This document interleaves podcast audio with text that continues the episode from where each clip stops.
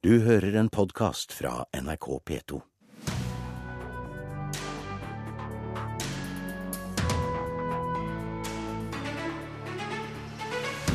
Aksjonsgruppa Redd Nasjonalgalleriet sabler ned Statsbyggs ønske om å flytte Kulturhistorisk museum inn i Nasjonalgalleriet. Å bringe inn um, trekors fra middelalderen inn i Nasjonalgalleriet er helt feil. Det er ikke den bygningen laget for. Og med all respekt for trekorsene, at de kommer frem til heder og verdighet, men ikke i Nasjonalgalleriet. Naboene til det planlagte 22. juli-minnesmerket får økonomisk støtte av Hole kommune til rettssaken mot staten. Vokalprestasjonene på Beyoncés nye album er ørebalsam, men det henger en eim av PR-rådgivning over popstjernens historier, mener vår anmelder. Dette er Kulturnytt, hvor vi også skal snakke om sesongpremieren på Game of Thrones. Mitt navn er Stine Tråholt. Tanken på å flytte Kulturhistorisk museum inn i Nasjonalgalleriet vekker nærmest harme hos flere billedkunstnere og aksjonsgruppa Redd Nasjonalgalleriet. I går ble det kjent at Statsbygg anbefaler regjeringen å legge Universitetet i Oslos historiske museum til Nasjonalgalleriet på Tullinløkka når Nasjonalmuseet får nytt museum. Alt annet enn Nasjonalgalleriet i den bygningen blir bare nest best. Hvorfor skal vi satse på nest best? Arkeologi, det skal det være sånne gamle spydspisser og arkeologiske gefunn. Så det høres litt merkelig ut for meg. Ja, jeg syns Nasjonalgalleriet kunne i hvert fall brukes til billedkunst. Reaksjonene let ikke vente på seg etter at Statsbygg la fram konseptutvalgsvurderinger om hvordan Nasjonalgalleriet og området rundt skal brukes i framtida.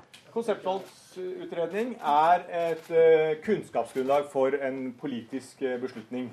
Under overleveringa av rapporten i går la administrerende direktør i Statsbygg, Harald Vågåsa Nikolaisen, fram tilrådinga om at Nasjonalgalleriet blir heim for Kulturhistorisk museum sine eldste samlinger.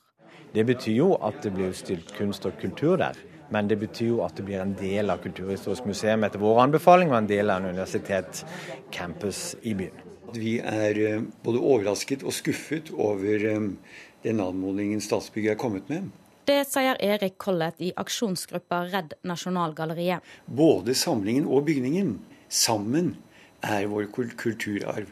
Og når man tømmer Nasjonalgalleriet og gjerne fylle med nye formål, så er den kulturarven borte.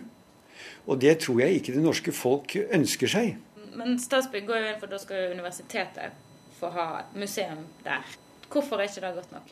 Å bringe inn um, trekors fra middelalderen inn i Nasjonalgalleriet er helt feil. Det er ikke den bygningen laget for. Og med all respekt for trekorsene, at de kommer frem til heder og verdighet, men ikke i Nasjonalgalleriet. Han får støtte fra kunstnerer Håkon Bleken. Ja, fordi at eh, Det er nok billedkunst å vise frem, og det har vært så sparsomt i de årene som har gått at det er jo helt skammelig. Og Marianne Heske. Ja, for Man må jo tenke litt lenger. ikke sant? Skal man dytte alt mulig inn i den der eh, sarkofagen på Vestbanen? Uh, ja, for du, Så du får deg at det da burde vært et mer museum for den moderne kunsten, så kunne den eldre kunsten vært værende i Nasjonalgalleriet? Ja, selvfølgelig. Det er jo det som er vår kulturarv. Det er òg vurdert forslag fra Nasjonalmuseet om å ha skulptursamlinger i det gamle bygget, men dette er ikke Statsbygg si tilråding. Direktør for Nasjonalmuseet Audun Eckhoff sier det er viktig å ta vare på den kulturhistoriske arva som Nasjonalgalleriet er. Dette forslaget om, eh, som kommer fra Kulturhistorisk museum, eh, omfatter jo noe av et materiale som berører eh, billedkunst, men ikke i den forstand vi tenker hvis vi tenker på fortsatt eh, virksomhet med billedkunst. Vi legger merke til at det er en, stor, en opinion eh, som er sterkt engasjert i dette spørsmålet. Så, så, vi tenker at det er interessant også å belyse Nasjonalgalleriets historie og betydning enda nærmere. Ta Nasjonalmuseet i Stockholm, ta Riksmuseet i Amsterdam. De river flytter ikke sine øh, samlinger ut av de gamle bygningene. De blir stående, pusset opp og respektert. Og så langt har vi ikke sikret oss det i, i Norge, som etter mitt skjønn er en kulturskandale. Ja, Det sa til slutt Erik Collett i Redd Nasjonalgalleriet til reporter Maria Piles Våsa.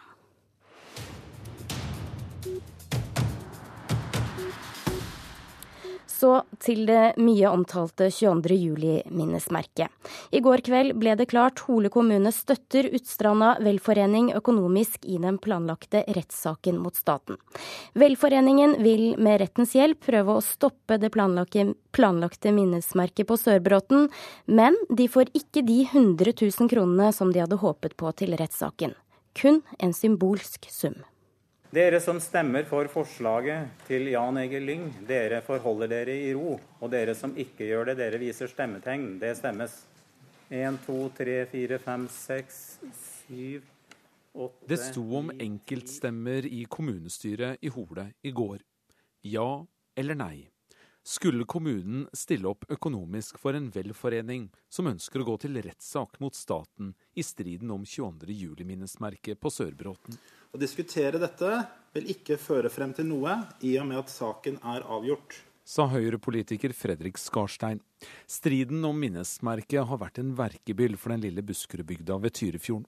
Gårsdagens politiske behandling var siste mulighet for velforeningen ved Sørbråten til å få lokal politisk aksept og økonomisk støtte for å anlegge sak mot staten. Jeg er stolt av den innsatsen mine sambygdinger gjorde 22.07.2011, og jeg beklager sterkt at de blir straffet på denne måten for de selv ser på dette som en straff. Sjur Tandberg er en av Høyre-politikerne som ønsker at kommunen støtter velforeningen økonomisk. Etter nesten tre kvarters ordveksling hadde politikerne snakket ferdig. Ordførerens forslag om å gi 100 000 kroner til velforeningen var falt. Nå handlet avstemningen om ja eller nei til en økonomisk symbolsk støtte på kun 25 000 kroner. 1, 2, 3, 4, 5, 6, 7, 8, 9, 10 Da er eh, Jan Egil Lyngs eh, forslag vedtatt. Det er viktig eh, at saken kom opp i kommunestyret, og det er viktig at det, er, at det ble et flertall, slik at det blir mer ro i bygda. Ordfører Per Berger er lettet over at en lang strid på mange måter er over. Og nå er vi forhåpentligvis kommet til en korsvei, en milepæl, som gjør at vi står samlet videre. Maria Holtane Berge er leder av Utstranda velforening og fulgte debatten fra første rad i går. Ja, For oss så var det viktig å få støtten. Det er rett og slett det som var viktig for oss her. Å føle at kommunen står for det de har sagt. De har sagt nei både til plassering og utforming. Og vi føler at dette var en viktig sak også for kommunen å markere. Per Håkon Solberg hadde laget denne saken. Rikskonsertene har skiftet navn til Kulturtanken. I fjor fikk Rikskonsertene ansvar for kulturopplæringen i grunnskolen, og den, altså Den kulturelle skolesekken. Dermed var det nødvendig med et nytt navn. Det sier fungerende direktør for Rikskonsertene, nå Kulturtanken, Ådne Sekkelsten. Bakgrunnen for navneskiftet er jo at uh, høsten 2015 så fikk uh, Rikskonserten nye oppgaver og et nytt mandat som skulle gå ut på at vi skulle nå være den nasjonale samlende aktøren for Den kulturelle skolesekken, og gjennom det eh, dekke alle kunstmusikkene, og ikke bare musikk. Og da falt navnet på Kulturtanken. Hvorfor akkurat dette navnet? Derfor dette, altså For det første er det et navn vi er veldig glade for. Det er jo et uh, navn som mener, rommer veldig uh, det meste av det vi skal holde på med. Som handler om kunst og kultur for barn og unge. Og at vi skal drive med forskning og utvikling innenfor målgruppen barn og unge, eh, og at vi skal ha en, eh, jobbe for en sterkere forankring i, i skolen. Var dette et navn som eh, dere kom på internt i Rikskonsertene, nå Kulturtanken, eller var det et eksternt firma som fant navnet? Dette, dette var et navn vi, vi kom på internt, ja. Vil det si at dere nå avvikler begrepene Den kulturelle skolesekken og Rikskonsertene fullstendig? Nei, det gjør vi ikke. Eh, den kulturelle skolesekken er ordningen. Eh, og, men, eh, men Rikskonsertene har fått nytt navn, og det skal være Kulturtanken. Intervjuer Petter Sommer.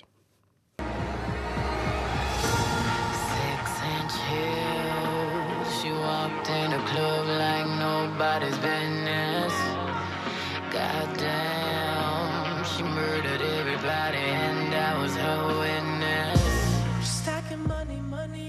Reaksjonene har ikke latt vente på seg etter at popstjernen Beyoncé for andre gang overrasket fansen med et nytt album. Lørdag kveld kom albumet 'Lemonade', og her hører vi låta 'Six Inch', som hun synger sammen med The Weeknd. Adiela Rukve, musikkanmelder i P3. Albumet har vært beskrevet som både politisk, personlig og forbanna. Hvor sterkt er det, syns du? Det er uh, mye budskap i uh, Beyoncés nye album. Det er uh, et veldig sterkt visuelt uttrykk, for dette her er jo også et visuelt album. Så vi får en time med video som hører til selve låtene. det er veldig eksplisitte tekster og mye sterke meninger. Ja, Hva er den sterkeste kvaliteten her, mener du? Um, albumet viser veldig musikalsk bredde. Det er gode prestasjoner fra Beyoncé vokalt, som vanlig. Eh, men jeg syns at eh, eh, det, den største kvaliteten er nok at pakken er veldig gjennomført. Både visuelt og musikalsk. Men likevel så er det noe som skurrer. Ja, jeg syns at hele pakka for meg blir litt dobbeltmoralsk. Beyoncé snakker mye om raseproblematikk og om utroskap, noe som kan lukte litt PR-stunt, akkurat det med utroskapen. Eh, raseproblematikken er jo utrolig viktig at hun eh, tar opp, og at hun bruker sin sterke posisjon til å ta opp. Men samtidig så har hun jo et uttrykk som er veldig vestlig, og hun eh, bruker jo blonde parykker og det kan jo se ut som hun har operert nesen også, så derfor blir det litt dobbeltmoralsk. Vi må snakke litt mer om dette med utroskap, for de siste dagene så har eh, det fått mye oppmerksomhet pga. tekstene som da insinuerer at den mektige musikkektemannen JC skal ha vært utro mot henne. Er dette så tydelig som pressen og fans eh, på sosiale medier skal ha det til, eller er det et PR-stunt som du insinuerer? Um, det er veldig tydelig i tekstene. Jeg ble faktisk overrasket over hvor eksplisitt akkurat dette her er. Eh, hun prater om det med utroskapen i eh, nesten så å si alle tekstene sine. Eh, og i alle sammenhenger. Jeg tolker det litt som et utroskap At hun snakker om et svik generelt. Altså et svik fra samfunnet, et svik fra menn, et svik fra forskjellige altså plan i livet. Um, utroskap fra ektemannen har, også, har, det også vært rykter om tidligere. Uh, men hun har jo gitt ut uh, selve albumet på hans uh, streamingplattform Tidal. Så um, om det blir noe skilsmisse ut av det der, det tror jeg ikke. La oss høre litt på låta 'Formation', som skal selge albumet, da også singelen.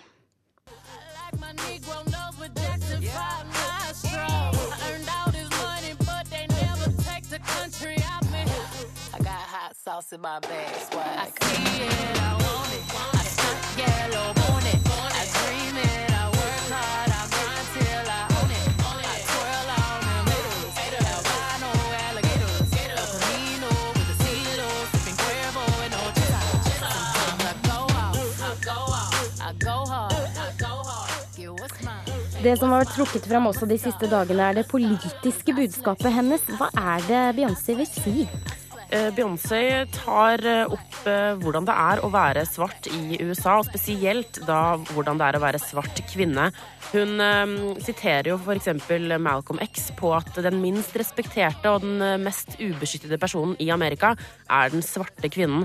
Og dette budskapet kommer også veldig tydelig frem visuelt. Er dette troverdig? Det syns jeg. Jeg syns det er troverdig, og jeg syns det er et veldig, veldig viktig steg av henne å ta. Og så er det nok en gang så gjør hun det litt overraskende for fansen. Hun bare slipper albumet helt eh, plutselig, nesten uten eh, forvarsel, med en helt eh, ny film, musikkfilm til. Hvordan fungerer det? Denne musikkfilmen den varer da i litt over en time. Eh, og inneholder alle låtene eh, som har hver sin video. Mellom disse videofilmene så får man et lite utdrag av en tekst eller eh, noe annet budskap. Så det er, det er, veldig, veldig mye og veldig massivt, og det tar lang tid å komme seg gjennom. Men det er utrolig vakkert visuelt, og det er veldig, veldig spennende å se på også. Tusen takk skal du ha, Adele Arukve, musikkanmelder i P3. Du hører på Kulturnytt, og klokka er nå 17 minutter over åtte, og dette er hovedsakene denne morgenen.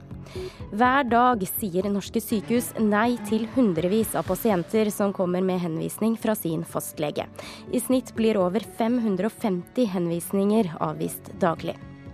De fleste småkommunene sa nei til sammenslåing i folkeavstemningene i går. I Møre og Romsdal ønsker både Molde og Kristiansund å bli storkommuner, men flesteparten av de små kommunene i fylket sier nei. Det svenske sikkerhetspolitiet har satt krisestab pga. en mulig terrortrussel.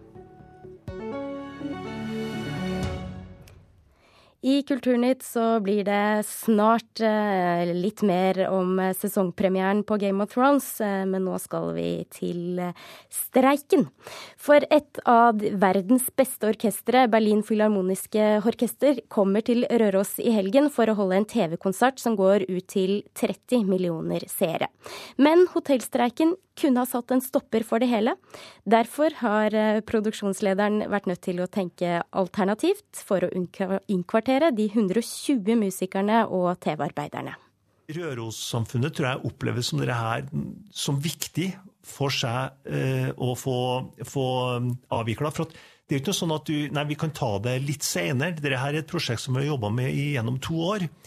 Og det er en live sending eh, fjernsyn som går ikke bare til Norge, men live i Tyskland, live i Tyrkia, live i Kina, live i Japan. Det kommer jo japanske TV-produsenter hit også til å jobbe sammen med norsk, tysk eh, fjernsyn.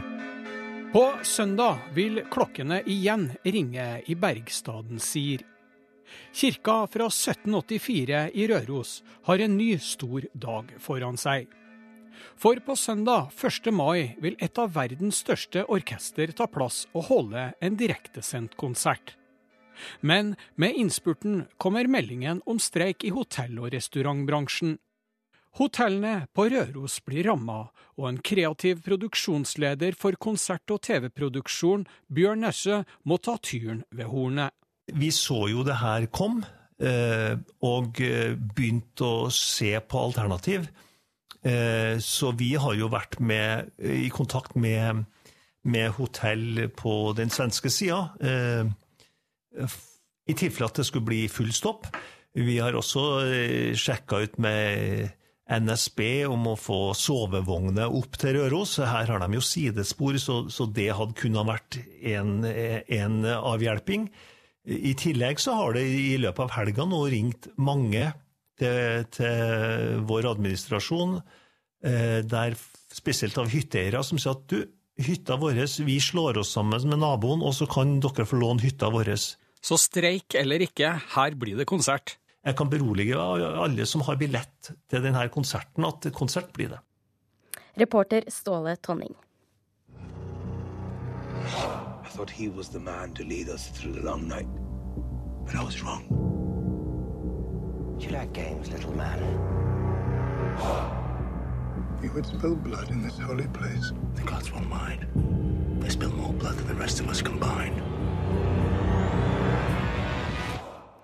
Hva skjer med John Snow? For de som har fulgt med på Game of Thrones, har dette spørsmålet sannsynligvis gnagd i hodet en lang stund. Men i går så var det premiere på sesong seks av den populære TV-serien på HBO. Og sjelden så har kanskje forventningene til en ny sesong vært høyere. Hva sier du Marte Hedenstad, Filmpolitiets uh, anmelder? Ja, Du har nok rett i det. Eh, for eh, nå har jo Altså, bokserien har jo ikke klart å bli ferdig, sånn at TV-serien har gått ifra bøkene som er skrevet av George R. R. Martin, og det betyr jo at ingen vet hva som skal skje, utenom serieskaperne og forfatteren selv. sånn at da er det jo klart at forventningene blir høyere enn noensinne innfrir sesongpremieren?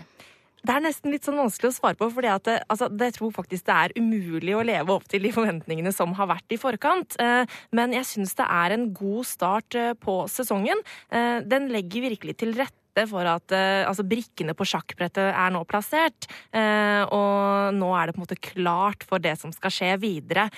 Man, det er ikke noe som skjer som man blir liksom blåst av banen av, men Eh, altså episoden bygger opp spenningen på en god måte, sånn at eh, når den er ferdig, så sitter man igjen i sofaen og er veldig spent på resten. Ikke alle kjenner denne rollefiguren John Snow. Kan du hjelpe oss litt?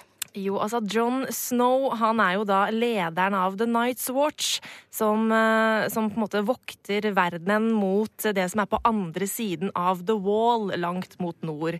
Eh, og det vi vet nå, er at på andre siden der så er det jo noen som heter White Walkers, som er noen sånn slags eh, zombielignende ismonstre som på en måte kommer når vinteren er på vei og vil utslette menneskene. Det som er problemet, er at i det er ikke alle i The Night's Watch som er like fan av John Snow, eh, pga. at han har litt sånn forskjellige lojaliteter her og der. Eh, og dermed gikk det dårlig for han eh, i slutten av sesong fem. Så det er veldig mange som da er spent på hvordan det går med han nå. Jeg må jo bare ta med det også, da, at engelsk presse har flydd over eh, rundt Belfast under innspillingen med fotodroner i håp om å finne ut om denne rollefiguren John Snow er med videre i historien. Eh, ja. Det er, um, det er veldig mye oppstyr rundt den figuren. Det er mye oppstyr. Og så, som kjent, da, så er også Kristoffer eh, Hivju, norske skuespilleren, med i denne sesongen. I går mm. så var det stor sesongpremiere vist på, på Colosseum kino her i Oslo, og der så dukket han opp til fansens store glede. Til VG så sa Hivju at uh, når han får et Game of Thrones-manus, så liker han å starte bakerst for å se om han overlever sesongen.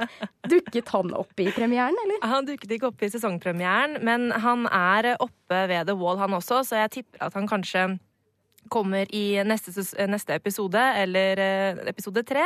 Uh, og det er jo klart at altså, Tormund Giantsbane, som Kristoffer Hivju spiller, han er en veldig sånn elsket figur. Uh, så hvis han skulle dø i denne sesongen, da blir det sorg i heimen til folk, altså. Skuespillermessig fortjener Kristoffer Hivju et eh, videre liv her? Ja, jeg syns han gjør en veldig god jobb. Han, han passer uh, virkelig godt til rollen, fordi han har, han har den der brutaliteten over seg, samtidig som han har et glimt i øyet, og det har Tormund Giantsbane. Uh, og det er også noe av det som gjør at han har blitt så populær da, som uh, figuren. Kort til slutt, Marte. Eh, sjuende sesong er allerede under planlegging. Eh, hva er hemmeligheten til denne fascinasjonen, denne enorme fascinasjonen for dette universet? Ja, altså Det har jo noe selvfølgelig med at uh, altså, bokserien hadde en enorm fanskare i forkant, så derfor har den jo selvfølgelig stor oppslutning bare der. Men så er det noe med Game of Thrones som appellerer til både de som elsker fantasy, men også de som egentlig ikke er så glad i eventyr i utgangspunktet. Og det har jo noe med at dette her er jo først og fremst et karakterdrama drama, eh, der det er rollefigurene som betyr noe, og så er det kanskje egentlig ikke så nøye at det er magi og drager og eventyr. Eh, så det er rett og slett sånn politisk spill og krig og spenning. Eh, så den har noe som kan appellere til de aller fleste. Tusen takk, Marte Hedenstad i P3.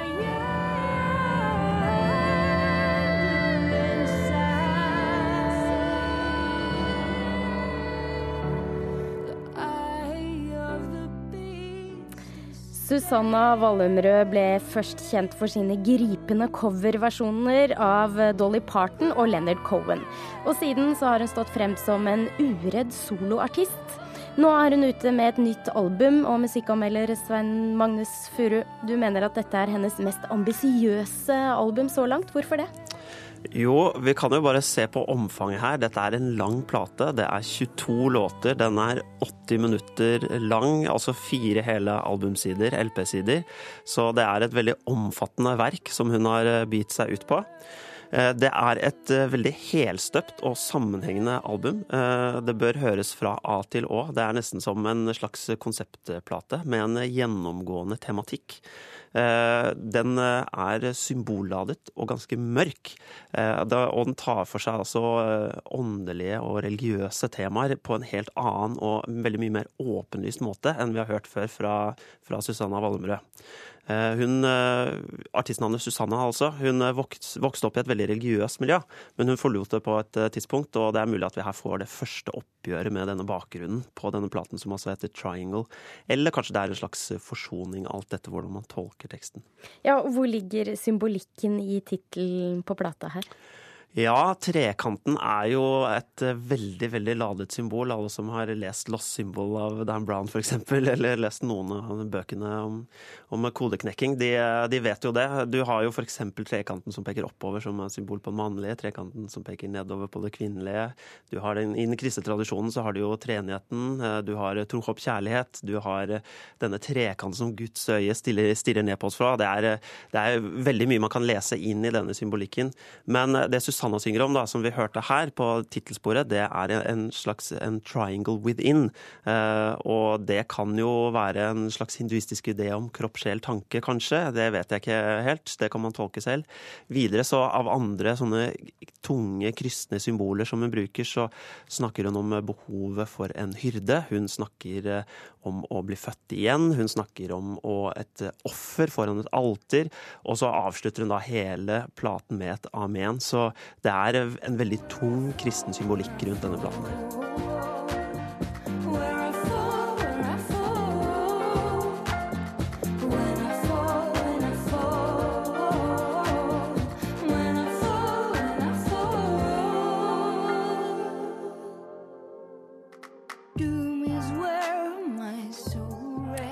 Dette er Hole fra Susanna Wallumsrød nye plate. Kommer dette til å gi henne et eh, større publikum? Ja, denne platen kan muligens eh, geniforklare Susanna. Eh, samtidig så er den såpass utfordrende at den kan skremme bort en del av det publikummet som hun har bygd seg opp. Eh, vi har snakket jo om dette tunge, tekstlige alvoret. Hun har også laget da en veldig herlig poplåt, som vi hørte her, i samarbeid med en duo som heter Skrap. Og den poplåten, den, det virker litt som om den er med for å si ja, jeg kan lage fantastiske poplåter, men, eh, men, hør på hva jeg har å si her på resten av plata. Det er viktigere enn flyktig popmusikk. Og det igjen, det tror jeg kan få flere til å investere den tiden som faktisk trengs for å få utbytte av denne litt mørke, tunge tematikken. Så hvis du til slutt skal konkludere? Ja, det er, eh, det er, som sagt hennes aller mest ambisiøse plate nå. Eh, disse mange mange låtene er litt skissepreget. Det syns jeg kanskje kan være en svakhet, men allikevel så sitter vi igjen med et inntrykk av en artist som har noe viktig å fortelle oss, og da syns jeg virkelig vi skal lytte godt etter. Da avslutter vi med å høre litt fra Susanna Vollumsrøds eh, siste plate. Um, Kulturnytt er snart over. Produsent for sendingen var Thomas Olverstein Ove. Hør flere podkaster på nrk.no podkast.